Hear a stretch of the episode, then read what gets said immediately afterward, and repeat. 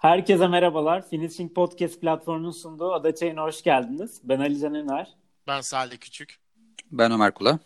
Bugün e, Newcastle konuşacağız beyler hep beraber. Satın alma söylentileri bayağı ayyuka çıkmışken Newcastle'ın böyle bir tarihine, Premier Lig zamanlarına bakalım dedik. Başlamadan önce bir hal hatırla girelim yine. Ömer nasıl keyifler, nasıl gidiyor durum? Ya lan Newcastle programına getirdiniz abi. Böyle kara, karaları bağladık. yak yak şaka şaka. Güzel güzel. Hatta yani bu birazcık kulübü eskiden sevdiğimi hatırladım bugün birazcık bakarken dün falan. Güzel. Keyfim yerinde. Onun dışında da birazcık kendi kişisel derdimde şey yapayım. Sizin, sizin de haberiniz yok. Belim tutuk dört gündür. Aa. Günün günün yarısını yatarak, yarısını çalışarak geçiriyorum. Biraz o yüzden randımanı düşük. Ama Aa, çok pis. Bugün iyiyim ya. Bugün en azından oturabiliyorum yani. Aynen dikkat et ya. Ben Yayında şok etti. 15 dakika konuştuk söylemedi. Şimdi pat Aynen. Sen ne yapıyorsun Salih? Sende böyle bir sıkıntı var mı? Yok ben bir bombam yok benim. Normal bildiğiniz gibi her şey devam ediyor. Salih senle başlayalım istersen abi. Şöyle e, Newcastle e, Premier Lig zamanlarına hani çok aşinayız. Hep göz önünde olan bir kulüp. Zaten bizim bugünkü de konumuz daha çok 92'den itibaren konuşacağız ama birazcık daha böyle geriye bakalım diyoruz. Bildiğiniz gibi Newcastle Tyne Weir tarafında İngiltere'nin kuzeyinde aksanların çok kötü olduğu bir yerde evet. aslında. Ve bu İskoçya'ya yakın olmasının futbola da birazcık böyle bir etkisi var. Çünkü zamanında daha 1800'lerin sonunda 1900'lerde işte böyle Newcastle hep artistik bir oyunla ün yapmış ve bildiğiniz gibi çok yerde yazılıp çizilir. Ee, İskoç oyuncuların İngiltere futbolunun etkisi hep bu olmuştur. Pas oyununu getirmeleri olmuştur. Sen neler diyeceksin? Bu geçmişten itibaren böyle verebileceğin anekdotlar var mı bize Newcastle'la alakalı? Modern zamanlara geçmeden bir sahneyi kuralım şey kısmı retro Newcastle kısmını ben e, Aynen. size şey yapayım. Bunları bulmak için böyle garip garip YouTube'da belge gezinirken belgeseller izledim şeyi çıkarmışlar. 90'a kadar olan kısmı işte 1890'lardan 1990'lara kadar olan kısmı Newcastle United bir tane DVD'si hazırlanmış. Bunu da YouTube'a koymuşlar. E, bu şey Loach filmlerinde aslında oldukça görürüz bu bölümleri. O iğrenç aksanı, genellikle işçi sınıfın olduğu kısımları. Ee, ilk e, takımın renkleri kırmızı beyazmış. 1984 yılında siyah beyaza dönmüşler. Sunderland en büyük rakipleri. Tabii. Ki e, eğer Sunderland İlayda belgeselini izleyenler varsa orada bu konuya aşinalardır.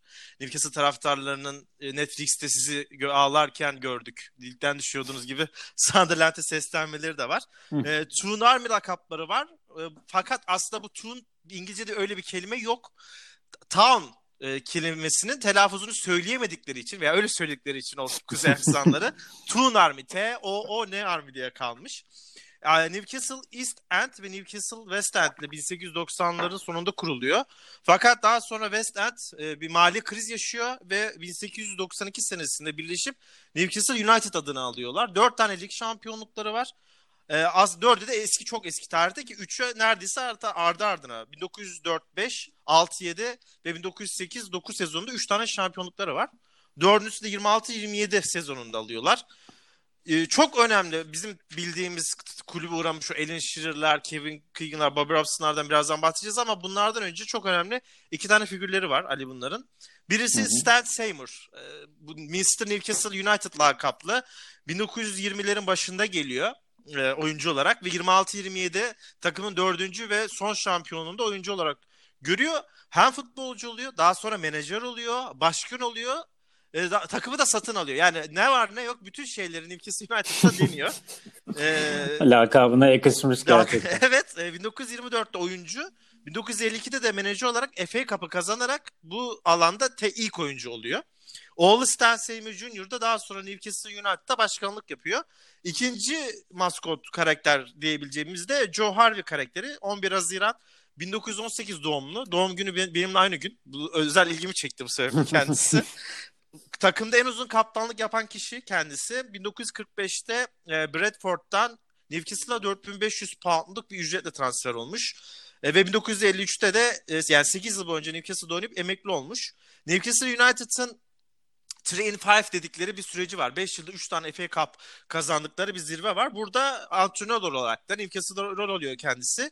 Ve 1961 senesinde Newcastle United'da teknik direktör olarak yeniden geliyor. Futbolculuk, başarılı futbolcu kariyerinden sonra ve 68-69 sezonunda o zamanların adıyla Fairs Cup şimdi Avrupa Kupası yani e, UEFA Avrupa Ligi. Fu fuar değil mi? Fuar Aynen. Şehirleri Kupası. Aynen öyle. O... Göztepe'nin Göztepe'nin yarı final oynadığı Evet evet evet o kupa ve Newcastle United'ın Avrupa'daki tek e, majör kupasını müzeye geçiriyor ve 14 sene teknik direktörlük yaptıktan sonra 74-75'te istifa ediyor. 5 sene sonra da takım çok zor durumdayken 10 günlüğüne gelip takımı kurtarıp yeniden gidiyor. Bu iki istemin Newcastle United tarihinde çok çok çok önemli olduğunu araştırırken öğrendik. Çok iyi, iyi bilgiler gerçekten. Özellikle Mr. Newcastle United müthiş bir lakap. ona, ona bayağı Aynen. Salih ya güzel bilgiler. Biraz da şimdi oradan direkt olarak bütün yılları ileri sararak şeye geçelim. E, modern zamanlara geçelim. Ömer istersen senle başlayalım. Modern zamanlarda. Yani Newcastle hani bizim yaşımız yetiyor. Yani hani 90'ların sonu ve 2000'leri biliyoruz zaten. Ama hani 92'den beri hep böyle bir çalkantılı kulüp havası vardır. Hep hatırlayın. İşte başkanlarla teknik direktörler kapışır. Hep böyle dramalar vardır. Saha içinde kavgalarını bile hatırlıyoruz oyuncuların. Ama birazcık hani e, bu işlerin başından başlayalım diyorum. 92 senesinde John Hall, Sir John Hall e, takımı başına geçmesiyle ve takımın hisselerini almasıyla beraber aslında yatırımı bayağı yükseltiyor Newcastle'a. E, ve Keegan'ı getiriyor e, 92 senesinde. Sen oradaki Newcastle'ın tekrardan doğuşunu ve modern zamanlarını başlangıcını nasıl yorumlarsın Ömer? Oradan başlayalım istersen. Tabii. O olaylardan yani 92 yılındaki bu e, yönetim değişikliğinden önce zaten bir 10-15 yıl Newcastle bir aşağı bir yukarı hani 3-4 yılın en üst ligde sonra tekrar düşmeli. Böyle bir dönem yaşıyorlar ve zaten John Hall da takımın başına geldiğinde sanıyorum şimdinin adıyla Championship ama o zaman için Second Division olarak evet. geçiyor. Orada kulüp ve 5 Şubat 1992'de Kevin Keegan geliyor zaten eski futbolcuları ama o olayda şöyle biraz değişiklik var. Bu John Hall aslında henüz daha takımın başkanı değil o arada.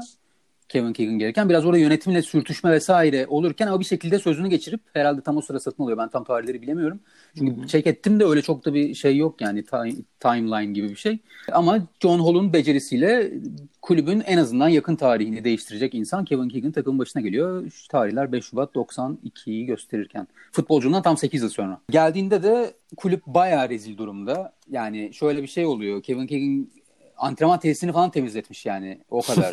Artık fiziksel olarak da dökülüyor. Ee, hani şey gibi düşünmüş Kevin Keegan. Ben bu tem- tesisleri temizleteyim. Bu hafta sonu pazartesi işbaşı yaptığımızda futbolcular farkı görsünler olayların değiştiğini anlasınlar yani artık Rengi eski değiş. aynen o işler eskisi gibi değil hani papuç pahalı mesajını vermek için ve Kevin Keegan'la ilgili de enteresan bir bilgi geçti elime. Teknik direktörlüğünden önce yani bu 5 Şubat 92'den önceki 7 senede Kevin Keegan bu bilgiyi nereden bulmuşlar röportajda mı var bilmiyorum ama toplam iki tane canlı maç izlemiş sadece. Biri 91 Şampiyonlar Ligi finali, diğeri de Newcastle Blackburn 0-0 artık o hangi yıl bilmiyorum. Yani futbolla pek alakası yok geldiğinde. Futbolu bıraktıktan sonra bırakmış yani. Evet adam. evet aynen yani. Futbol aynen futbol bıraktıktan sonra 7 sene sadece 2 maç izlemiş. Müthişmiş gerçekten müthiş bilgi. Ama o sene e, yani Championship'te o zamanın işte Second Division'ında daha Premier evet. kurulmuyor. Premier Lig o sezonun sonunda kuruluyor aslında. Takımı bir şekilde toparlıyor, düşmekten kurtarıyor. Ha evet düşman ee, oynuyor takım tabii o ara. Yani aynen. İlk maçlarında Bristol City'yi 3-0 yenerek başlıyorlar. Takımın kadrosu da yetersiz bu arada. İşte şu an belki tanıyanlar bilmiyorum. Robbie Elliott var genç olarak. Hı-hı. Lee Clark var. Steve Watson var. Öyle e, genç bir kadrosu var. Hani genç oyuncuları var iyi, şey, gelecek vadeden ama bir yıldız takımı ilerletecek bir oyuncu yok yani. Öyle bir kadro yok. Aynen. İlerleyen sezonda da zaten takımı Premier Lig'e çıkarıyor Keegan. Aslında çok başarılı bir sezon geçirdiğini söyleyebiliriz yani orada. Ve Premier Lig'e çıkıyor takım. İlk tam ee, sezonunda değil mi? 92-93. Aynen. Aynen. aynen. 93-92-93 sezonunda. E, Salih tekrar topu sana atayım ben burada. Ee, ilk sene takımı Championship'in dibinden kurtarıyor. Takım ligde bırakıyor. İkinci sezon Premier Lig'e çıkarıyor ve o zaman artık Premier Lig olmuş oluyordu. Sonra da 93-94 sezonunda çıktıkları sezon takım üçüncü oluyor büyük bir sürpriz yaparak. Bu arada başkan ve takım sahibi takım birazcık kesenin ağzını açıyor. Mesela Beardsley gibi o zamanın çok önemli oyuncularından e, birini takıma katıyorlar. Yine genç Andy Cole takıma katılıyor. Ve o sezon mesela Beardsley 21 gol atıyor. Andy Cole 34 gollük bir katkı veriyor ve korkunç bir gol sayısı. E, ve üçüncü yapıyor takımı e, çıktıkları sezon. O sezonu nasıl değerlendireceksin? Keegan'la Newcastle'ın o 3 senelik, 2,5 senelik macerasıyla aslında her şey başlıyor. Ee, söylentilere göre Keegan e, işte şeyde şampiyonship diyeceğim. İkincilik şampiyonship adı Çursik değiştiği için o sıralar John Hall'dan şey söz almış. İşte takım başarılı olursa biz eğer Premier Lig'e çıkarsak e, bu takıma para harcamamız lazım. İşte ondan kaçarak bundan kaçarak başarılı olamayız gibi bazı sözler almış ve bu işte Andy Cole transferi daha sonra hemen akabinde gelecek ileride e, Şirin transferleri de bu sözler üzerine gelen transferler olduğu söyleniyor. Bu az önce benim anlattığım o sembolik karakterlerden direkt Keegan'a geçmemiz de çok mantıklı. Çünkü arada Newcastle gerçekten bir boşluk. Ya yani hiçbir şey yok. Hiçbir, hiçbir evet. varlığı yok. Oynadığı futbol olarak bir tarzı da yok ki bazı takımların işte o zamanlara yakın zamanlarda Blackburn artık bir felsefe oturmuş durumda. Bazı takımlar defansif olarak öne çıkmış. Bazı takımlar ofansif olarak kendi stillerini yavaş yavaş otur, oturttuğu senelerde Newcastle United'ın hiçbir şekilde bir e, planı, taktiği yok. Ömer'in dediği gibi kulüp rezil halde.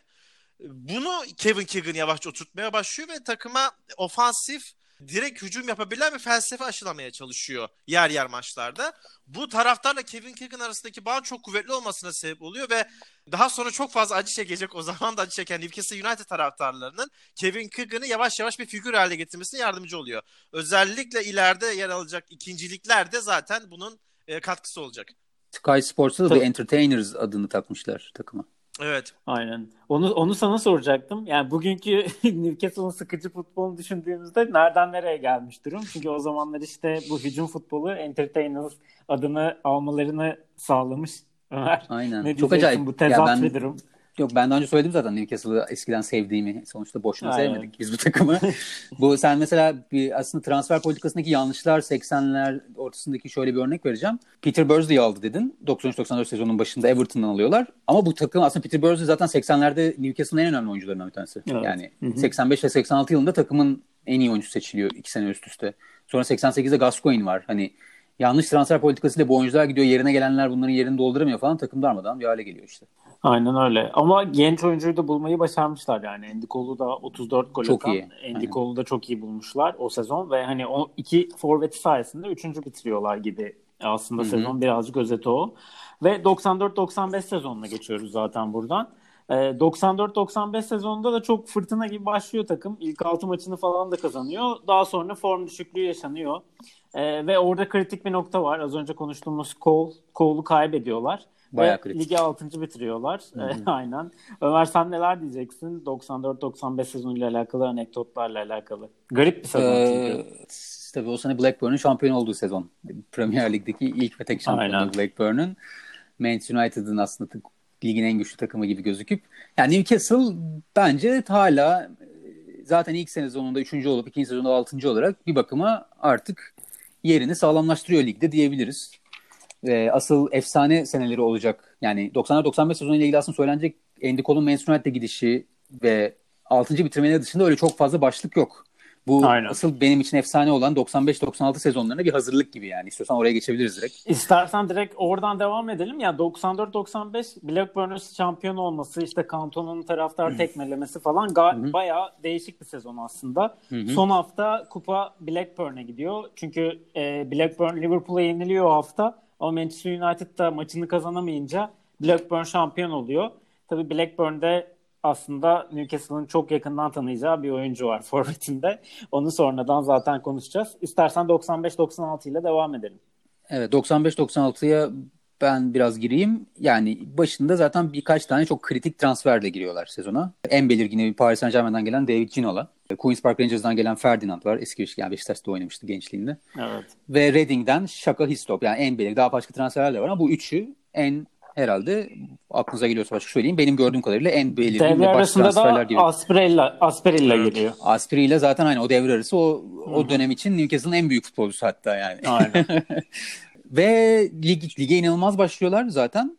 Yani nasıl söyleyeyim? Aralık sonu 10 puan fark. Şubat'a geliniyor 12 puan fark. Aynen. Yani şöyle Şubat'ta 12 puan olan fark 4 Mart itibariyle 1 puan iniyor. Yani o ara artık or- neler olduysa.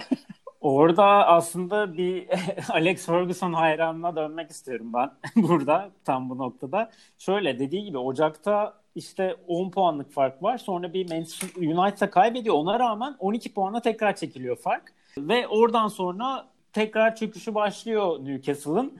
Ee, Salih yani Alex Ferguson baktım ben birazcık ama yani Kevin Keegan'ın kafasına girmesi olsun, basına verdiği açıklamalar olsun falan filan o şampiyonluğu Cantona'nın da cezasından dönüşüyle beraber söke söke alıyor resmen. Ee, ne diyeceksin bu sezon hakkında? 95-96 sezonu her ne kadar Manchester United e, şampiyon oldu deseler de bence Alex Ferguson şampiyon oldu. Gerek basın toplantılarındaki açıklamaları gerekse takı yani şöyle söylüyordu e, o zamanlarla ilgili YouTube'da da araştıranlar rahatla bulabilecekler videoyu. Birkaç takılmadan sonra e, ayakta kalıp kalmayacaklarını merak ediyordum diyor Alex Ferguson. Yani futbolcuların yüzüne veya Kevin Keegan'ın yapmış olduğu basın toplantılarında onu ruh haline okumaya çalıştığını ve bir basın toplantısında e, soruyu soran muhabiri başka yöne baktığını görünce Kevin Keegan yani soruyu e, düşünme yerine o an orada olmadığını fark edince işte içe şey demiş. Ya tamam kesinlikle bunlar şampiyon olacak psikolojide değiller ve bunlara saldırmam lazım gibi bir iç sese bürünmüş ve ondan sonra da vurdukça vurmuş, vurdukça vurmuş. Sürekli bir baskı hali. Bu ki bunu takımına da çok iyi. Yani biz Alex Ferguson'u her ne kadar basına çok yansıtmasa da soyunma odasında ne kadar kontrolcü ve orada takımını böyle şeyleri çok iyi motive ettiğini biliriz. Büyük ihtimalle onların bir e, halt becereceği yok. En kibar haliyle söylüyorum. Onların bir halt becereceği yok. Bu ligin şampiyonsuz olacaksınız. Sakın ama sakın vazgeçmeyin deyip e, Newcastle'ı o kadar puan öndeyken bile e, strese sürükleyen Alex Ferguson'dur sezon. Kesinlikle. Yani Ömer senin ekleyeceğin bir şey var mı burada? Hem ben kesinlikle katılıyorum. Yani Ferguson'la atışmaları o sene çok ünlü zaten. Hı hı. Hala günümüzde bile konuşulan atışmalar Kevin Keegan, Ferguson basın toplantıları. Bu seneyle ilgili yani bence Newcastle'ın yakın tarihinde bir what if durumu olsa ben acaba 95-90 zaten bunu Kevin Keegan'a söylemiş. Acaba 95-96 sezonunda şampiyon olsalardı durum ne olurdu? Çünkü Kevin Keegan'a soruyorlar bunu. O da diyor ki yani o kadro bozulmazdı bir kere ve işin rengi çok değişebilirdi diyor. Ben de buna katılıyorum. Yani tabii ki çok belki farazi bir konuşma ama bence yine de mantıklı yani. Bildi mesela inanılmaz maçlar var. Bu arada bu kadar avantajlı sonunda son iki maça da puan puana giriyorlar. Evet. Ve iki beraberlikle çıkıyorlar evet. Newcastle son iki maçtan. ya tamamen işte oradaki baskıyı kaldıramamışlar. Zaten hani Keegan'ın açıklamalarını falan da baktığınızda biraz arattığınızda YouTube'da, Google'da falan gerçekten çıkıyor yani. Keegan bayağı Alex Ferguson resmen derisinin altına girmiş. Kimyayı yani bozmuş Keegan'ı. evet kimyayı bozmuş. Bir de orada hani biz dinleyenler için de bir maç önerelim. Liverpool maçı. İnanılmaz. Ee, inanılmaz bir maç. Yani 4-3'lük bir maç. Liverpool son dakikalarda 4-3'e yakalıyor. O sıralarda Liverpool'da yalandan aslında şampiyonluk adayı ama evet. Newcastle'a bayağı bir hançer saplamış oluyor o maçla beraber.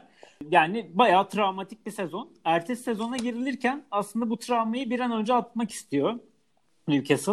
Evet yani şey gidiyor. Zaten bir önceki sezon kolu kaybet, kaybetmiş oluyorlar ama bu sezon başında ikonik bir golcüyü transfer ediyorlar. Transfer rekoru İngiltere değil sanırım. Global bir transfer rekoru değil mi beyler? Yani 11 milyon pound alınan Shearer. 10, 15 milyon diyebiliyorum ben. 15 milyon. Dünya evet. rekoru olabilir evet. Öyle Aynen. lazım. Oradan aslında silkinmek için güzel bir hamle 96-97 sezonunda ve o senede zaten Shearer 25 gol atıyor. Sakatlık problemleriyle yaşıyor ama 25 golü de bulmuş oluyor. Sezona 4-0'lık Manchester United mağlubiyetiyle giriliyor o sene yine ama sonra Newcastle çok rahat bir şekilde toparlanıyor orada. Salih senle devam edelim istersen.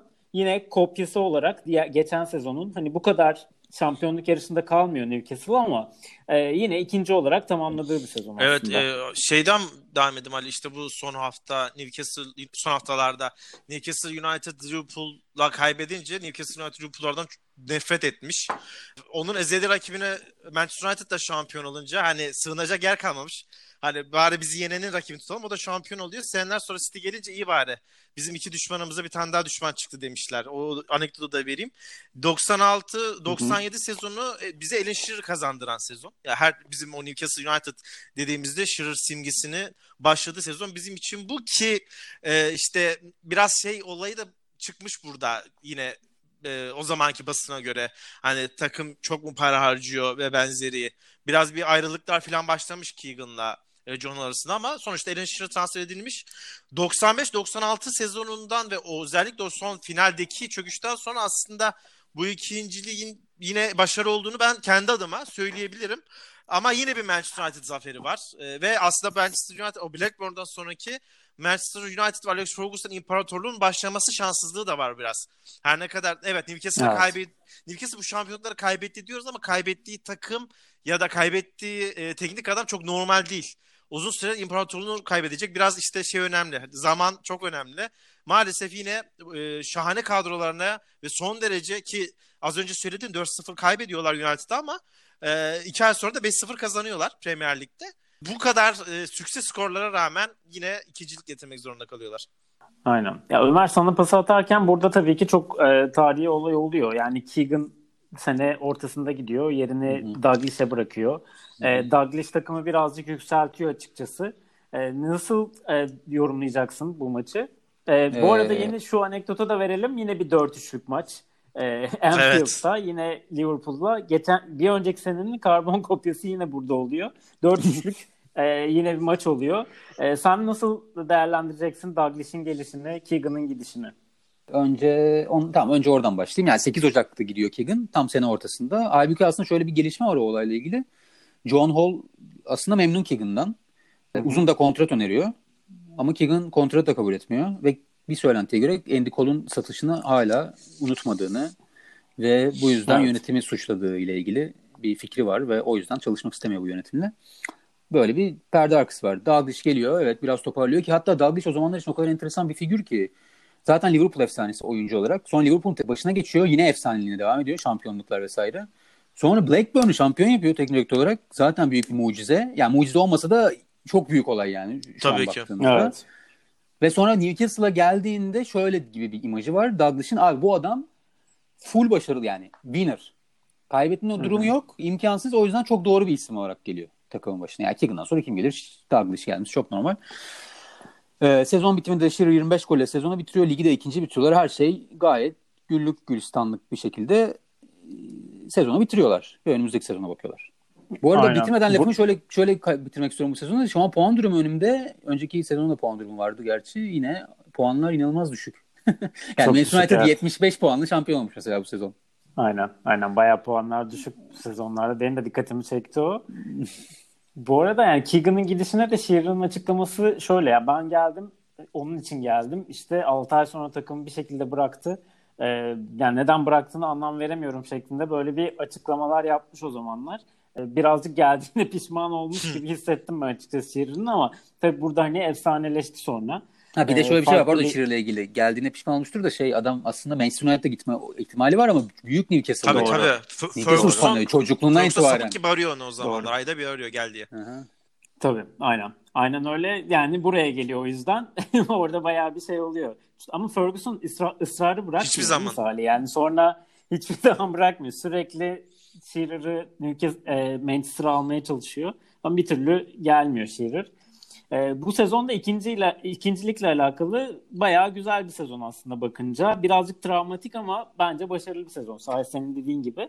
Direkt senden devam edelim istersen. 97-98 sezonuyla alakalı. Bu sezon tabii e, Premier Lig içinde mihenk taşı bir sezon. Çünkü Arsene Wenger ilk Arsenal şampiyonluğunu ediniyor ilk tam sezonunda. Ee, ama burada bir aslında kötü giden bir Premier Lig var Newcastle United için. Ama Şampiyonlar Ligi'nde ilk Şampiyonlar Ligi olmalarına rağmen spektaküler galibiyetler alıyorlar. Nasıl yorumlayacaksın 97-98 sezonu? 97-98 sezonu o Keegan'ın kurmuş olduğu, temelini atmış olduğu Newcastle sistemini parçalanmaya başladığı sezon olarak da kabul ediliyor. E, çünkü çok yerine çok büyük umutlarla getirilen o işte e, ve uzun sürmeyecek olan Kenny Dalglish olayı bu arada Alan Shearer az önce dediğin ek olarak Ali ben de şu anekdotu vereyim. Alan e, Shearer e, Kevin Keegan'ın Andy Cole'lu bahaneleri gitmesine daha da çok bozulmuş. Hani şey gibi düşünüp hmm. yani biz onun yerini dolduramıyoruz mu? Bizim neyimiz eksik? Hani böyle Türk kafası düşünecek olursak biraz bu moda girmiş ve oldukça bozulmuş. Ee, Alex Ferguson aradığında o çöp kulüpte ne işin var gibi e, gel buraya gibi şeyler de bak hani Andy aldık. Hani seni de alırız gibi yaklaşımlarda bulunmuş. 97-98 e, sezonundan sonra o Newcastle United'ın Keegan döneminde alışmış olduğumuz topu 3. alanda tutup dikte eden ve daha çok böyle Bob Robson'a değineceğiz. Biraz total futbola yakın futbol anlayışının esintilerinin yok olmaya başladığı sezon başlangıcı olarak da kabul ediliyor. Ve bundan sonra da zaten sıkıntılı süreç başlayacak. Aynen öyle. Yani bu sezon kapatılan 13.lük. Evet. FA Cup finali sayesinde ve Arsenal zannediyorum kupayı alıyor. O sayede de bir şekilde Avrupa'ya kendini atıyor bu arada Newcastle evet. United. Ee, öyle birkaç tane arka arkaya bu şekilde sezonlar yaşıyor. FA Cup finali ve finali oynadığı takımın şampiyon olmasıyla beraber UEFA'ya katılım şeklinde. Ama ligde tabii 13.lük çok e, korkunç bir ne desek e, bitiriş. Hı hı. Ve 98-99 sezonuna geçtiğimizde de aslında yine birebir karbon kopyası yaşanıyor. Bu kelimeyi dördüncü kez kullanıyorum. Çünkü hep böyle olmuş yani Newcastle. Yok daha da olacak hatta. Aynen daha da daha da olacak hatta. Aynen öyle 11. liglerden bahsediyorsun galiba değil mi? Hı hı. Bu ee, arada pardon lafını kestim. 90-98 atlamadan önce ben fikrimi söylemek istiyorum bu sezonla ilgili. Bence o sezonla ilgili en kritik şey sene başında giden adamlara bakın. Yani Bursey hadi yaşlı. İşte Ferdinand Hı-hı. o da çok biraz genç sanırım. Ginola'yı satıyorlar. Sanıyorum Tottenham'a gidiyor. Lee Clark gidiyor ve gelen oyuncuları söylüyorum. İsim olarak inanılmaz büyükler bu arada ama John Barnes yaş 34, Stuart Pierce yaş 35, Ian Rush yaş 36 yani. Hatta rekor 36 yaşında ilk transferi. En yaşlı transferi oluyor Ian Rush zaten. Ee, ya bu Douglas birazcık şey kafasından çıkamamış gibi geldi. Liverpool'da da yaptı. Liverpool'da da yaptı bunları bu arada. Aynen. Aynen Liverpool'da da yaptı. Douglas'e bırakmayın transferleri. Yani Veteran sevici. anlıyoruz. Veteran seviyor yani. Toplumsal mesajımızı verdikten sonra Douglas'e transferi bırakmayın diyerek 98-99 sezonuna girelim. Yazı aslında yine Douglas geçiriyor. Ve yerine ikinci haftada yanılmıyorsam Gullit geliyor. Aslında Sahil senin bahsettiğin bu Newcastle'ın iyi oynama işte Keegan'la başlayan bir şekilde Douglas'le ara verilen e, ve Robson'la devam edecek e, felsefesine aslında yakın bir teknik direktör kağıt üstünde getiriliyor Gullit. İngiltere tecrübesi de var Gullit'in. Ama geldikten sonra yani çok böyle türbülanslı bir sezon yaşanıyor. UEFA Kupası'nda aslında belli bir başarıya geliyor ama ligde yine 13.lük elde ediliyor. Ve Gullit bir şekilde oyuncularla birazcık papaz oluyor bu sene. Ee, aslında hani bu seneyi bitiriyor Gullit. Ee, gelecek sezon kovulacak ama bu seneyle alakalı neler diyeceksin? 98-99 sezonuyla alakalı. Ali 98-99 sezonuyla alakalı işte Gullit'in biz ne kadar hani basına veya röportaj çok veren bir adam değil. Kendini gizlemeyi seven bir adam. O Cruyff ağzından okuduklarımı sadece söyleyebilirim. Ee, o da arası arkadaşla çok yakın olmasına rağmen biraz Gullit'i suçluyor bu sezondan dolayı ve sistem geçişinde bir teknik adamın sistem geçişinde bu geçişi biraz daha yumuşak yapmasını hani İngiliz, İngilizce'de smooth diyebileceğimiz bunu oyuncularına hı hı. da neden böyle oynamamız gerektiğini anlatması anlatması lazım diyor. Bunun şu an modern futbol dünyasında en iyi örneğinin Pep Guardiola olduğunu söyleyebiliriz. Hem Münih'e geçiş hem e, Barcelona'yı saymadı çünkü Barcelona hep öyleydi. Hem de City'ye geçişte bunu oyuncularına anlatabilen ve ilk senede biraz da sabır verebilen bir adam. Yani buna göre transfer yapabilen bir adam. Denilene göre 98-99 sezonunda Gullit oyuncularına çok sert çıkmış. Yani böyle oynayacaksınız, böyle oynamak zorundasınız. Böyle oynamazsınız bu takımda işiniz yok. İşte çıkış orada ve benzeri şeyler. Ek olarak da e, o kadar çok üçüncü alanı düşünüyormuş ki hani bir de biliyorsunuz ki futbolda defans denilen bir şey var. Bu da önemlidir. Yani forvet kadar ve buna dair hiç kafa yormadığını hani 3 yersek 5 atarız gibi o belki uygulayabilirsiniz ama karşınızda Premier Lig varsa ve 90'ların sonu varsa yavaş yavaş o Premier yükselme devri bu oldukça absürt bir fikir gibi ortaya çıkıyor. Aynen öyle. Ee, Ömer yani Gullit hakkında bu sezonla alakalı bir anekdotun var mı? Yoksa Yo, yani, buradan kovalım yani, mı? Sadece şeyi Salih'in Salih'in bu arada hem 13. oluyor hem de yine FA Cup finali var. Yani o kadar benzer ki önceki sezonda. Evet, evet, aynısı. Evet, aynen. Ee, aynısı. Robert Lee var takımdaki. Takımın 7 numarası. O zaman için önemli bir oyuncu. Yani şöyle bir yani anekdot vereyim. Gullit ona sormadan 7 numarasını alıp yeni transfer Kieran Dyer'e veriyor mesela. Böyle evet, hareketleri var evet. yani. Bir sonraki Aynen. seneye geçiyorsak eğer bu seneyi bitirip ya da nasıl kovulduğu. Zaten önümüzdeki sene hemen başında kovulacak. 99-2000 geçeyim mi oraya? Yani Sunderland tabii, derbisi tabii, var. Oraya, oraya geçelim. Aynen. Sunderland derbisinde olay biraz. var ki Shearer'la Ferguson'u yedek bırakıyor. Duncan Ferguson'la Alan Shearer'la. Aynen. Ve 2-1 kaybediyorlar. Zaten bunun sonucunda duramıyor Gullit ve istifa ediyor. Aynen. Ya o maçla alakalı da böyle çok söylentiler var. Şey diyorlar yani İngiliz gazeteleri falan hep şey yazmışlar. Orada takım listesini teslim etmedi. Artık intihar listesini te teslim etti diye. Çünkü Duncan Ferguson'ı yani 8 milyon pound'a alıyorlar Everton'dan.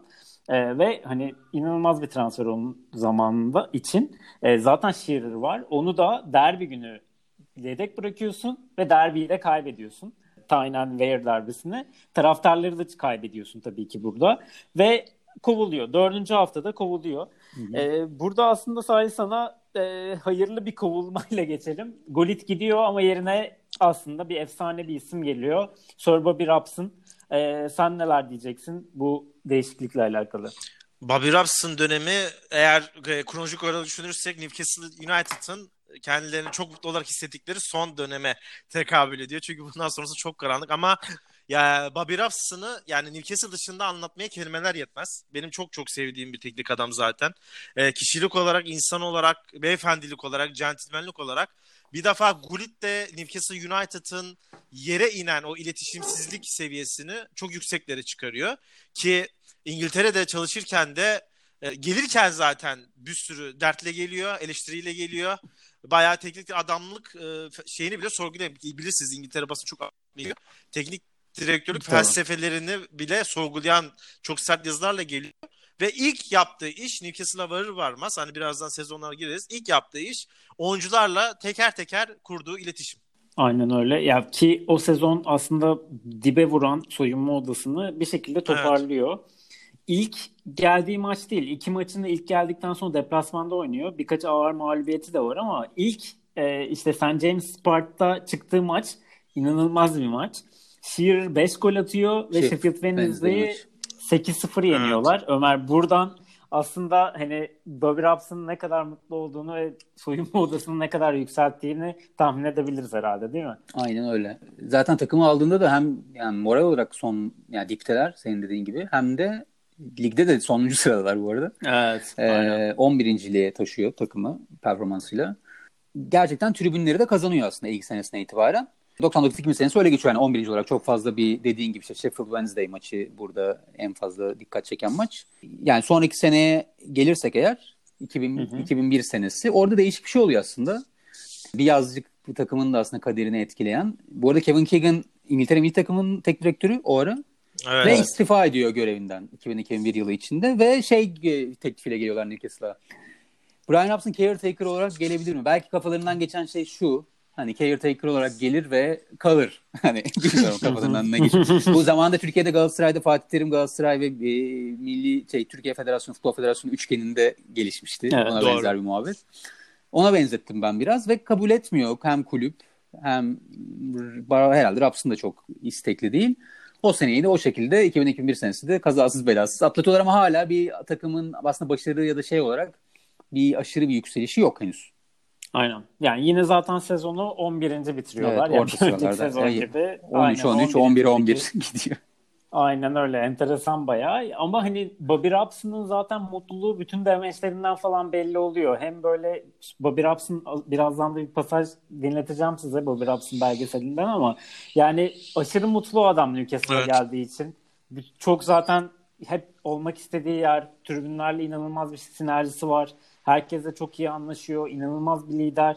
İşte Shearer onun hakkında şey diyor zaten. Yani hani inanılmaz bir adam yönetme ve becerisi vardı. Hani bunu profesyonel olarak değil tamamen doğal yollar. Yani Ferguson'ı biliyoruz birazcık hani e, Salih biliyorsun sen daha iyi biliyorsun ama orada daha çok böyle pragmatik yaklaşıyor oyuncularına ama Bobby Robson biraz daha insancıl yaklaşarak evet. bunu başarıyor. Evet.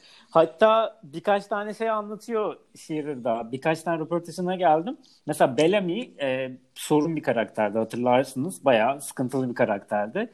İşte antrenmana geç geldiği zamanlarda falan işte arkasından Shearer nerede bu işte şerefsiz falan filan diyormuş. Ama Bellamy'yi gördüğü an yanına gidiyor oğlum nasılsın, nasıl geçti, bir sorunun var mı falan diye soruyormuş böyle bir hapsında.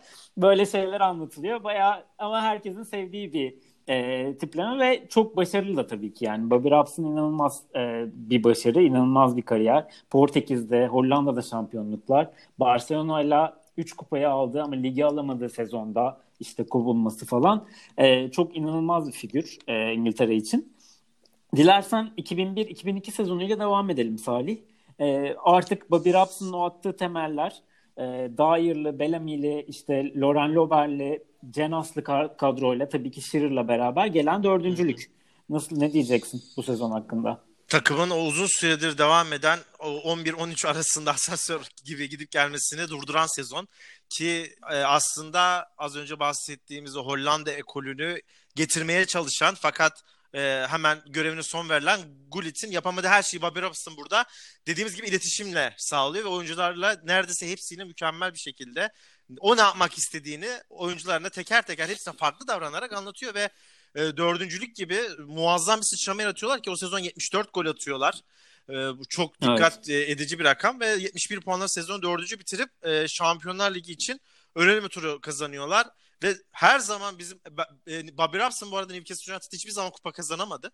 Ama her zaman evet. kendi izini, kendi alt e, nasıl desek, kendi felsefesini Newcastle United'da evet bu Bobby Robson oyunu diyebileceğimiz de ilk sezon bu sezondu. Bu nedenle 2001-2002 sezonu önemlidir. Aynen öyle. Dördüncülük e, dediğin gibi gelen Şampiyonlar Ligi elemeleri. Buradan da istersen Ömer seninle beraber 0-2-0-3 sezonuna daha Olur. da iyi bir sezona geçelim. Hı hı. Ee, neler diyeceksin? Şampiyonlar Ligi ön elemesinden Şampiyonlar Ligi'ne yükselme. Biraz oradaki ne denir macerayı özetleyelim istersen. Az önce 95-96 sezonunu efsane bir sezon olarak belirtmiştik. Bence bu yakın tarihteki ikinci efsane sezon Bence bu. 2002-2003 sezon. Ee, hem ligde başarı geliyor hem bence bu seferki Şampiyonlar Ligi macerası tabii ki geçen döneme göre de çok çok daha fazla başarılı geçiyor. O zamanki Şampiyonlar Ligi formatını hemen hızlıca hatırlatırsak iki tane grup var. Ee, 32 takım ne olduğu Şampiyonlar Ligi. ilk gruptan ikiye girenler ikinci grubu tekrar. 16 takım oralara giriyorlar ve ikinci gruba kalıyor. Ee, Juventus'lu bir grup, ilk grup. Evet. Diğer takımlar ee, Dinamo Kiev Aynen. Dinamo Kiev zaten öncekinde de aynı gruptalardı. Tekrar aynı gruba aynen. düşüyorlar ve Juventus'un ardından ikinci olarak bu şekilde ikinci gruplara kalıyorlar. İlk grubun şöyle bir enteresan bir hikayesi var. İlk üç maçından sıfır puanla Newcastle United tamamen evet. artık ümitlerini kaybetmiş bir şekilde. Ama tabii matematik olarak devam ediyor. İkinci üç maçından dokuz puan alarak grubu ikinci sırada bitiriyor.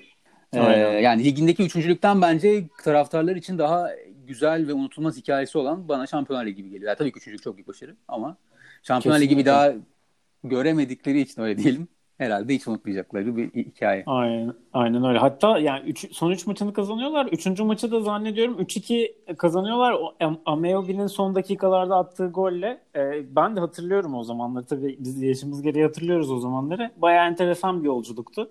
İkinci turda da Şampiyonlar Ligi ikinci turunda da pek varlık gösteremiyorlar. Zor gruplarda hatırlar zaten e, dinleyiciler o zamanları. ikinci gruplar çok, zordu, evet. çok çetin geçer. Ee, Aynen. Yani Bel- şey aslında yine de bir 7 puan alıyor olmaları lazım yanlış hatırlamıyorsam. Ama dediğin gibi yani böyle son haftalara kadar falan kalmıyor yani. ikinci olmayacakları belli oluyor aşağı yukarı. Evet. Evet. Yani Bellamy yine bu arada orada işte ilk maçta hemen e, hava topu mücadelesinde kırmızı görüyor. 4 maç ceza alıyor falan. Bayağı bir sıkıntı yaratıyor yani Bellamy orada. Bellamy de ee, bu ilk çıktığında ne yetenekli be kardeşim. Evet, evet. Ya zaten her zaman o karakterle o kadar gol, o kadar büyük takımlarda oynaması ve yani yeteneğinin kesinlikle kanadı bence de. Benim de beğendiğim bir oyuncuydu. Hı hı. Ee, bu 2002-2003 sezon aslında rüya gibi geçen bir sezon. Ee, Salih istersen o 2003-2004 ile de devam edelim. 2003-2004'e ee, geçiyorsak ben hemen bir son bir not söyleyeyim. Bu seneki Şampiyonlar Ligi hikayesinde Shearer zaten çok Şampiyonlar Ligi oynamış bir go yani oyuncu değil ama olsun. İlk golünü atıyor. ikinci grupların dördüncü maçında hat-trick yapıyor bu arada o maçta. Sonra ondan sonraki maçta da Inter maçında iki gol birden atıyor ve beş golle kariyerini bitiriyor. Şampiyonlar Ligi kariyeri. Maalesef evet. öyle bir durum oluyor Shearer için de. Ee, dilersen bir sonraki sezona geçelim Salih. Gelen ikincilik bu UEFA Kupası'ndaki yarı final. Evet, e, UEFA Kupası'ndaki yarı final eğer e, Bobby Robson belgesellerini veya onunla ilgili yazı okuduğunuzda Newcastle United seyircilerinin en çok ya o dört tane geçmişte kazanılan lig şampiyonlukları, FA Kupası bunlar hiçbir önemli değil. Dönüp dönüp durduğu başarı bu. Çünkü gerçekten e, takım inanılmaz derecede saygı duyuyor. Bir Bobby Robson Avrupa'da yaptıklarına. Biraz da şey bu bilinçli seyirci denilen bir şey var ya işte İngiltere'de bu çok fazla. Çünkü takım yani o zamanlar işte Arsenal'ın yavaş yavaş yükselmeye başladığı devir. Alex Ferguson'un tamamıyla İngiltere hakim olduğu devir. E zaten 2-3 tane takım tutulmuş durumda. Liverpool var git gelle. Yavaş yavaş orada Chelsea kıpırdanmaya başlayacak. Seyirci şunu farkında. Evet ilk kısım zaten dolu. E biz kaçıncıyız? İşte 4-5 gidip geliyoruz. Yani ligde yapabileceğimizin maksimumu bu. Bunun çok farkında Hı-hı. ve bu konuda ligde Bobby Robson aslında kalan ikinci bölümde şampiyon olduğunu biliyorlar. Yani kalanlar, o büyükler dışında kalanların evet. şampiyonu zaten Newcastle United. Daha fazla gidemeyecek. Elimizde ne var? Avrupa var ve bunu Bobby Robson bize maksimum olarak veriyorlar. O zaman yani da, mutsuz olmamız için bir sebep yok deyip e, en fazla övündüğü e, başarılardan biri de bu yarı finaldir. Aynen. Aynen. Bu arada şeyi de hatırlatalım. E, Marsilya eğleniyor Newcastle evet. United. Drogba'nın golleriyle eğleniyor. E, Drogba da zaten sonra e, hem final oynuyor hem de zaten Ali senin dediğin karşılaşmayı da Mourinho'nun canlı izlediğini ve e, Drogba'yı daha sonra Chelsea'ye almaya karar verdiği maç olduğunu da söyleyeyim. Bu arada güzel bir kapı açtın. Ee, yani Bobby Robson'ın aslında tercümanlığını ve yardımcılığını yapıyor Mourinho Barcelona'da. İkisi arasında inanılmaz bir bağ var. Yani Mourinho inanılmaz saygı duyuyor Bobby Robson'a. Ee, hatta Pep Guardiola da o zamanlar o takımda. Pep Guardiola Bobby Robson'ı da arıyor e, şeye gelmek için. Newcastle'a gelmek için falan. O üçlü arasında böyle değişik bir ilişki var orada e, onların hocaları diyebiliriz yani Sir Bobby Robson. Objektif olarak ee, şey söyleyeyim. Bu... Bence Bobby Robson hakkında söylemiş en güzel cümle Mourinho'ya ettir. Bir insan onu seven son insan öldüğünde ölür diyerek almıştı. Bence mükemmel bir cümle Robson için. Güzelmiş. Mükemmel ve gerçekten duygusal, duygusal bir cümle. Ya. Aralarındaki bağı özetliyor ve hani belgeseli izlemeyenler için e, belgeseli kesinlikle evet. tekrar tavsiye edeyim. Ve bu sene bu şekilde kapanıyor. E, ve işte 2004-2005 sezonuna giriyoruz artık. Burada bu arada yani kulüp başkanı, kulübün sahipleri Bobby Robson'a karşı bir cephe oluşturuluyor. Yani UEFA evet. yarı finalinde. Hatta yarı final maçından sonra söylenene göre işte John Hall'un olduğu zannediyorum yönetim kurulunda ve Bobby Robson'a inanılmaz saygısız davranıyor maçtan sonra. Bobby Robson'un bu içinde yer ediyor. Ve sene sonuna göre de kadar da zaten ligde de birkaç tane maçı kaybetmiş oluyor ve seneye bu şekilde başlanıyor. İşte Bobby Robson soyunma odasını so- kaybetti söylentileri arasında 4 maç son- 4 maç sonunda da kötü ma- galibiyet mağlubiyetler alınca dördüncü maçta Ro- Robson sürpriz bir kararlı kovuluyor. Ee, yine bir yine hala... bir aynı şey oluyor. İnanılmaz. Aynen öyle. Yine aynı şey oluyor ve yani bu hem Newcastle United taraftarları hem böyle kamuoyu hakkında da zaten orada lanetlendiği düşünüyor Newcastle'ın bu kovulmayla beraber. Ee, size belgeselde hani Bobby Robson'ın bir e, konuşmasını, kovulma kararından sonra konuşmasını küçük bir şekilde dinletmek istiyorum. Oradan sonra devam edelim. I've had five Faberge years here with everybody and I'll be their biggest fan after this. Not been easy for me today, but it's football and I have to get on with my life. He was very heartbroken when he was guillotined. He didn't recover from that very quickly at all. Will you be going on to, to manage another club in the future? Well, I have nothing to say about that. I'm just uh, getting over the situation and I'll think about what I have to do for the, uh, you know, for the rest of my life uh, when it all settles down. Thank you very much. Thanks very much. Ee, bu duygusal konuşmayla aslında kulübü binasını terk ediyor burada Bobby Robson. Yani bilmiyorum siz ne düşünüyorsunuz ee, kovulması hakkında? Genç oyuncularla anlaşamadı deniyor. İşte birazcık soyunma odasını kaybetti deniliyor. Sizin yorumunuz ne olur Ömer? Senle başlayalım istersen. Ya bir sürü söylenti var. Yani belki hepsi doğrudur, belki hiçbir doğru değil. Ama bir soyunma odası probleminden bahsediliyor. Onun dışında bu yönetimle ilgili problem dediğin gibi mesela şöyle bir şey var. Freddy, Freddy Shepard o ara başkan transfer pazarlıkları hadi transfer pazarlıklarını bilemem de yani oyuncu kontratları yani bunları söylemek zorunda değilsin Brian Robson'a da bunları özellikle sakladıkları teknik direktörden. Hani oyuncuya ne hangi oyuncuya ne kadar para veriliyor. O zaman zaten şimdiki gibi bir kapmap bildirimleri de olmadığı için biraz daha e, kulüpler serbest bu konularda.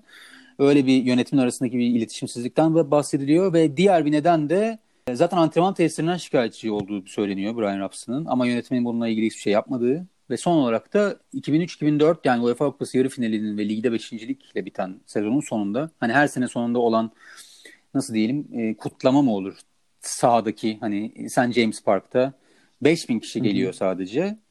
Ve bu başarılı evet. sezonun sonunda bu 5000 kişinin gelmesi Brian Robson'ın içine çok oturuyor. Böyle bir söylenti de var. Belki hepsi evet. doğrudur. Bilmiyorum. Ya yürek burkan şekilde gidiyor Hı-hı. gerçekten Bobby Robson. O şekilde ayrılıyor ve yani söylentilere, diğer söylentilere göre de aslında kulüpte biraz daha direktör pozisyonuna gönlü olduğunu söyleniyor ama kesinlikle buna izin verilmiyor ee, ve kulüpten ayrılıyor. Salih senin e, sözlerin var mı? Çok küçük alakalı? birkaç eklemem var. Daha sonra o dönem futbolculardan çoğu bir soyunma odası problemi olmadığını, hiçbir şekilde Bobby Robson'la iletişim konusunda problem yaşamadıklarını söylemişler ve aslında zaman ilerledikçe de biraz sanki yönetimin e, Bobby Robson'a tuzak kurma veya onu dışarıda bırakma amaçlarının sonucu gibi görünüyor. Bobby Robson'ın kariyerin en kötü ve en üzücü günü olduğunu yani Bar- Barcelona'da da çok fazla haksızlığa uğramıştı gerçi ama bunu anlamdıramıyor. Yani bunu sadece futbol olarak değil insan olarak anlamdıramıyor. Yani bir şey başladığımız bir şeyi neden bitiremiyoruz? Neden insanlar bana güvenmedi? Ben ne yaptım ki? moduna getiriyor. Son olarak da Alex Ferguson o gün için yani Bob Robson'ın görevine son verilen gün için İngiltere futbol tarihinin en kara günlerinden, utanç verici günlerinden biri olarak bahsetmiş. Aynen öyle. Ee, ve yerine Sunus geliyor ama yani kulüp gerçekten karışıyor. İşte az önce bahsettiğimiz Bowyer'la dair maç içinde kavga ediyorlar. Kulüp bayağı bir sıkıntıya giriyor. O sezonu zaten hasbel kadar bitiriyorlar. Ee, birazcık özetleyerek hızlıca geçiyorum. 2005-2006 sezonunda Owen e, kulüp rekorunu kırarak geliyor. Sunus bir yerde kovuluyor. Sonra takımın ya, Roder e, geliyor. Yedinci oluyorlar bu arada o sene. Hı hı. Geçici olarak gelmesine rağmen Roder e, iki yıllık kontratı da yapıyor. E, bu senenin önemi de Shearer'ın futbolu bırakması. E, bu sene sonunda Shearer futbolu bırakıyor ki hala gollerine devam ediyor evet. o sıralar. 2006, 2007, 2008 2008'de kulüp e, şampiyonşipe düşüyor. Allardyce geliyor, takımdan ayrılıyor. Keegan tekrar geliyor. Yine takımdan ayrılıyor ve takımdan ayrılırken yönetime inanılmaz sallayarak ayrılıyor. Sonra Kinear geliyor. Kinear bir kalp sorunundan dolayı bırakmak zorunda kalıyor. Yerine geçici olarak Alan Shearer geliyor. Son haftalarda Shearer yönetiminde takım şampiyonşipe düşüyor. Bu çok ee, trajik Shearer ya. için de evet. bayağı üzücü bir durum. Çok trajik evet. yani. Premier Lig'de ilk defa düşüyorlar. Aynen. Kurtulamaz bir şekilde geliyor Evet. Ya Shearer düş- zor, sezon atılamayanlar Shearer düşürmüş gibi algılamasın. Yani imkansızdı zaten neredeyse ligde kalmaları. Son bir acaba olur mu filan dediler ama olmamıştı. Benim o sene İngiltere'ye taşındığım seneydi. Çok net hatırlıyorum. Bayağı takip ediyordum yani yakından. Çok üzülmüştüm ya. Vallahi. Aynen. Ve yani bu arada şeyi şeyde... hemen atlamadan söyleyeyim. Tam bu aralar aslında 2008-2009 yılında düştü dedin ya. E, şöyle diyelim 7 evet. Haziran 2007'de sanırım Mike Ashley satın alıyor değil mi? kulübü. 2008 mi? 2007 diye 2007 biliyorum ben. 2007. 2007. Evet. 2007'de alıyor. Yani daha Aynen. satın aldıktan hani nasıl bir ayağı ayak varsa arkadaşta satın aldığının ikinci senesi düşüyor yani. Takım hiç öyle düşme mücadelesi vermezken önceki senelerde. Aynen öyle. Aslında tam oraya bağlayacaktım ama var ya 2007'de takımı oluyor bu olaylar yaşanıyor. Sonra da zaten Shearer'a şöyle bir soru yöneltiliyor. İşte birkaç yıl sonra takıma tekrar dönmek ister misiniz? Shearer kesinlikle bu yönetim varken Mark Ashley'den bahsediyor. Kesinlikle dönmem ağzım payını aldım diyor. Beni günah kesti yaptılar diyor. Ve Mark Ashley ile alakalı e, sıkıntılar başlıyor. Daha, Kulüp şampiyonşipe düşünce de bu arada Hı-hı Tabii buyur. Şey ya bir Hı-hı. buraları hızlı geçeceğiz biliyorum da ben bir 10 dakika artık uzatırız olmazsa çünkü çok önemli bir not var mesela burada önümde. Ee, Shearer'dan önce bir sonra yani hemen Ashley kulübü satın alır almaz Sam Allardyce vardı gitti. Kevin Keegan geldi tekrar sene sonunda gitti ya. Kevin Keegan bu ikinci Hı-hı. gidişinin sonunda şöyle bir muhabbet oluyor. Yani daha kulübü aldığı ilk yıl Mike Ashley, Mike Ashley ve şu an 2020 yılındayız. Hiçbir şeyin değişmediğiyle ilgili bir şey söyleyeceğim. Kevin Keegan ayrılık nedeni olarak şunu söylüyor. Yönetimden yeterince maddi de, mali maddi destek alamadık. Aynen. Aynen. Çok trajikomik gerçekten. yani sene 2020 ve hala Abi sen tak- takım para harcamayacaksan niye takım alıyorsun ya? Anlamadım ki. O da çok enteresan çünkü 2007'de oluyor. Yani ve bu söylenti, söylemler 2008'de 2009'da geliyor. Yani çok enteresan. Takım alıyorsun, para enjekte etmiyorsun. Başarı nasıl Sıkılmış Ali. bilmiyorum. Hakikaten Ama... öyle diyor. 10 ay sonra 10 ay ya sonra hemen sıkıldım. Sıkılmış. Ya sıkı, istediği gibi heyecanı bulamamış. Sanki Abi 2007'de Aynen 2007'de takım alıyor. 2009 Haziran'da evet, satılığa çıkıyor takım daha. İkinci senesinde satılığa ve hala çıkıyor. Mike Ashley'in takımı bu arada. 11 yıl geçmiş aradan. Ya Mike Ashley bu arada ondan da çok az bahsedelim. Bir iş adamı. E, spor alanında birçok markası var. İşte House of Razor'lar, Sport Direct adında e, bir şeyi var. E, holdingi diyelim ve burada bir sürü ürünü var. Hatta bu son şeyden sonra da çok eleştirildi. Mağazalarını kapatmak istemedi falan. Ee, ve bunu bir yatırım olarak görüyor başından beri ve birazcık kelepire alıyor. 2009'da da şampiyonşipe düşünce takımı satmak istiyor. Ki o 2010 2009'da çıkan söylentiler hala devam ediyor. Ona da devam değineceğiz sonrasında. Salih istersen sen de devam edelim. Chris Hutton takımı tekrar çıkarıyor. 2010 2011 sezonunda takım tekrar Premier Lig'de bir senelik aranın ardından. Ee, sen neler diyeceksin? Evet Ali, çok uzatmayayım. Margeçli sıkılıyor. Ben takım satacağım diyor. Ama bir yandan da sonra başaracağız diyor. Garip garip açıklamaları var. 8 senede iki kez takımı ligden düşürüyor. Alan Shearer'la ya, ya, Newcastle United taraftarları zaten size cep almışken gidip bir de Alan Shearer'a laf atıyorsunuz. Hani e, daha ya bir nefret edilmek için ne yapılması gerekiyorsa yapıyor ki maçlardan sonra bunlar şeyde de var bu arada YouTube'da var bulabilirler dinleyiciler. İşte seni aşağılık Londralıları kulübümüzden defol git gibi her maçın sonunda Newcastle seyircisi St. James Park'ta onu al aşağı sloganlar düzenleniyor. Ben ikinci Kevin Keegan döneminden günümüze kadar gelecek olursak iki tane teknik adama ayrı parantez açıp Ömer'e vermek isterim sözü. Bence Alan Pardew dönemi biraz bence underrated başarı olarak şu an. Yani bence hiç fena o kadar rezil ortamda, o rezil başkanla, parasızlıkta ve bence aslında yetersiz bir kadroyla hiç fena çıkarmadı. İkinci bahsedeceğim isim de arada bu arada John Carver ve Steve McLaren var ki yani Ömer Siburs hakkında ne düşünüyorsa ben de Steve McLaren hakkında aynısını düşünüyorum. Ee, ben Rafa Benitez'e de bir hak vermek isterim burada. Çünkü o da biraz Elin Şirir gibi takım başına geliyor. Hani yokuş aşağı giden artık sonu meçhul bir takım başına gidiyor. Hiç de fena bu arada o, o zamanki Rafa Benitez'in kadrosu belki de Newcastle tarihin gelmiş geçmiş en kötü kadrolarından. Ona rağmen evet, evet çok pragmatik futbol oynuyor ki kaybettiği maçlarda bile o yumuşak e, Newcastle yerine çok sert bir Newcastle kuruyor. Takım ligden buna rağmen düşüyor ve şampiyonşipe düştüğünde herkes ya Benitez kesin bir yere gider ki o zaman yanından Valencia söylentileri falan çıkıyor.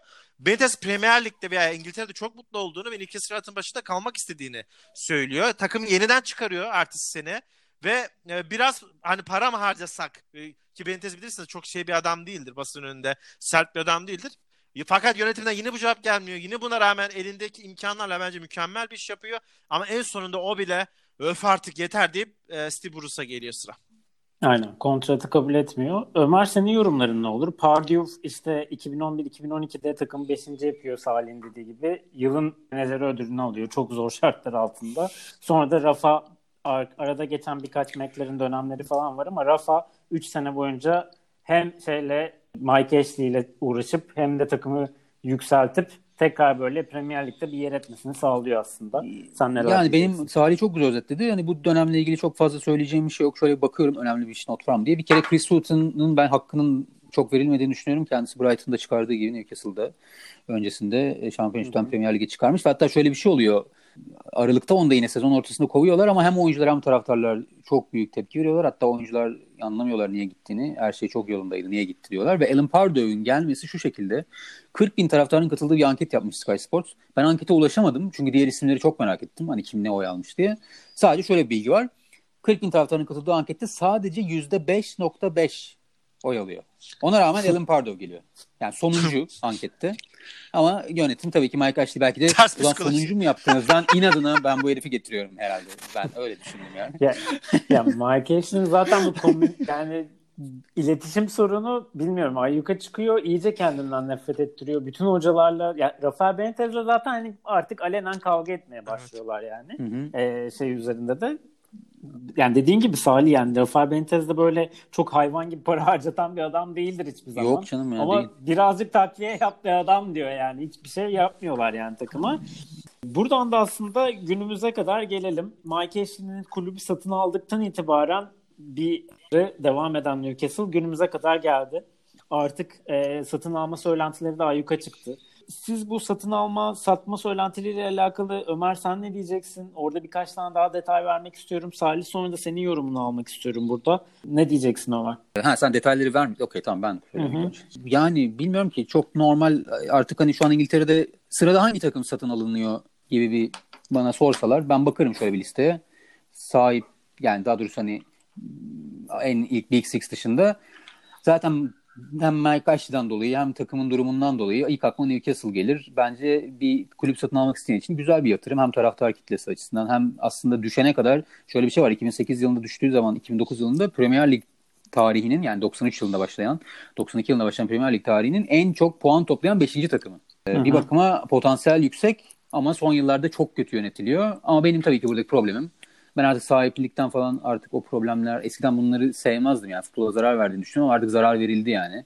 Geriye dönüş yok.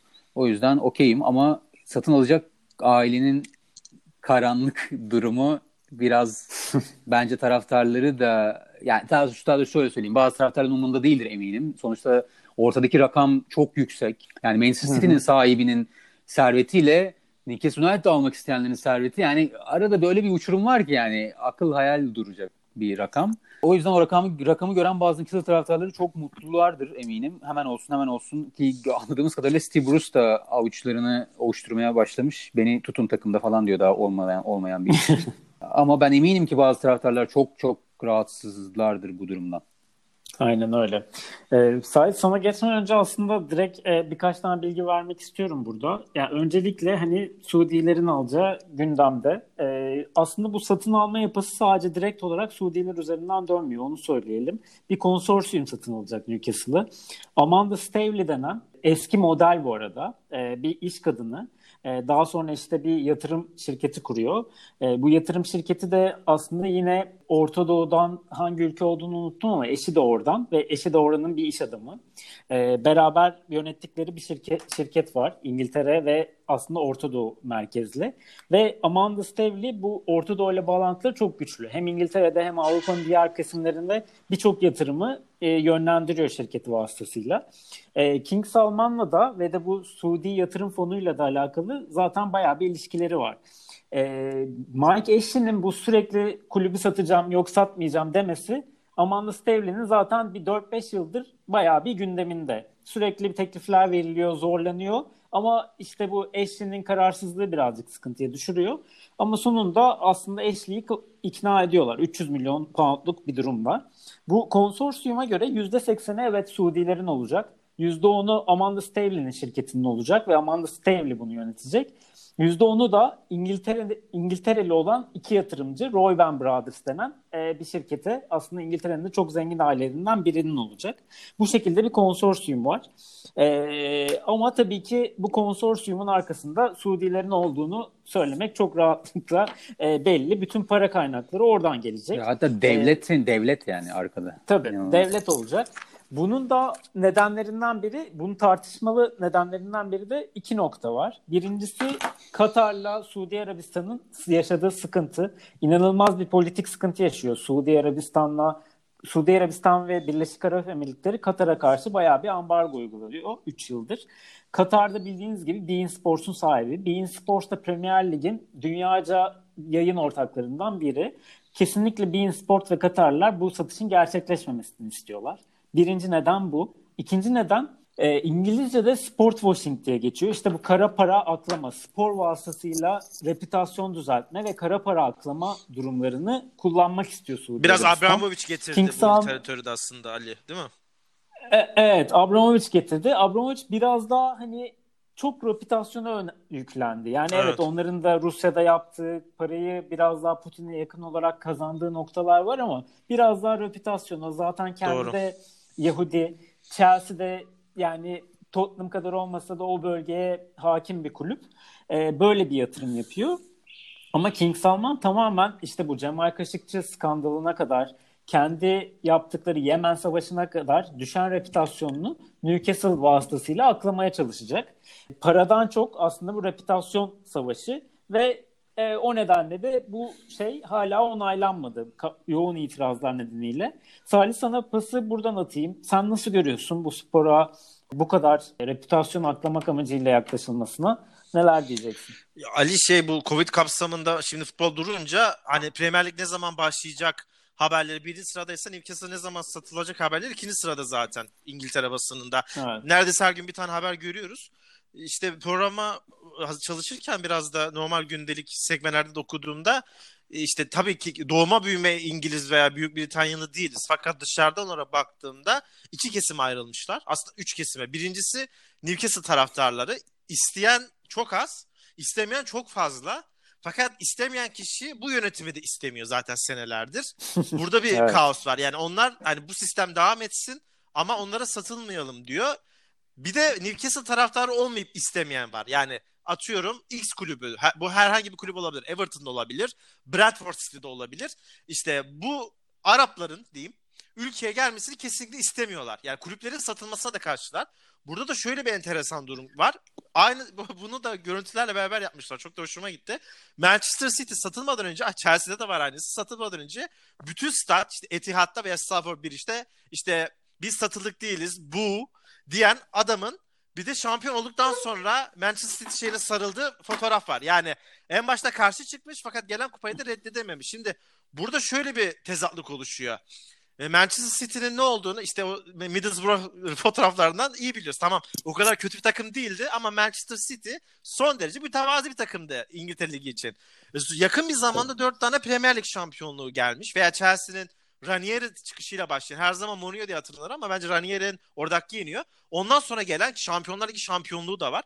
Bunlar yani çok basit tabirli olacak belki ama bunlar satıldıktan sonra oldu. E şimdi bir başarı istiyorsanız sistem bunu biraz artık diretiyor gibi ki endüstriyel futbol transferler bunlar sadece başka bir transfer konusu. Yani başka bir program yapılır ona. Bunlar hiç girmiyorum.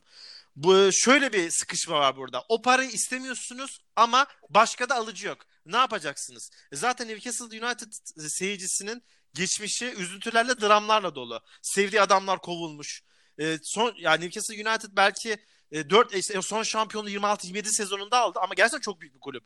E, 43.500 seyirci ortalamasıyla ligden düşüyor bunlar ki e, dünyada ikinci evet. sıradalar. Yani böyle bir e, şey listede.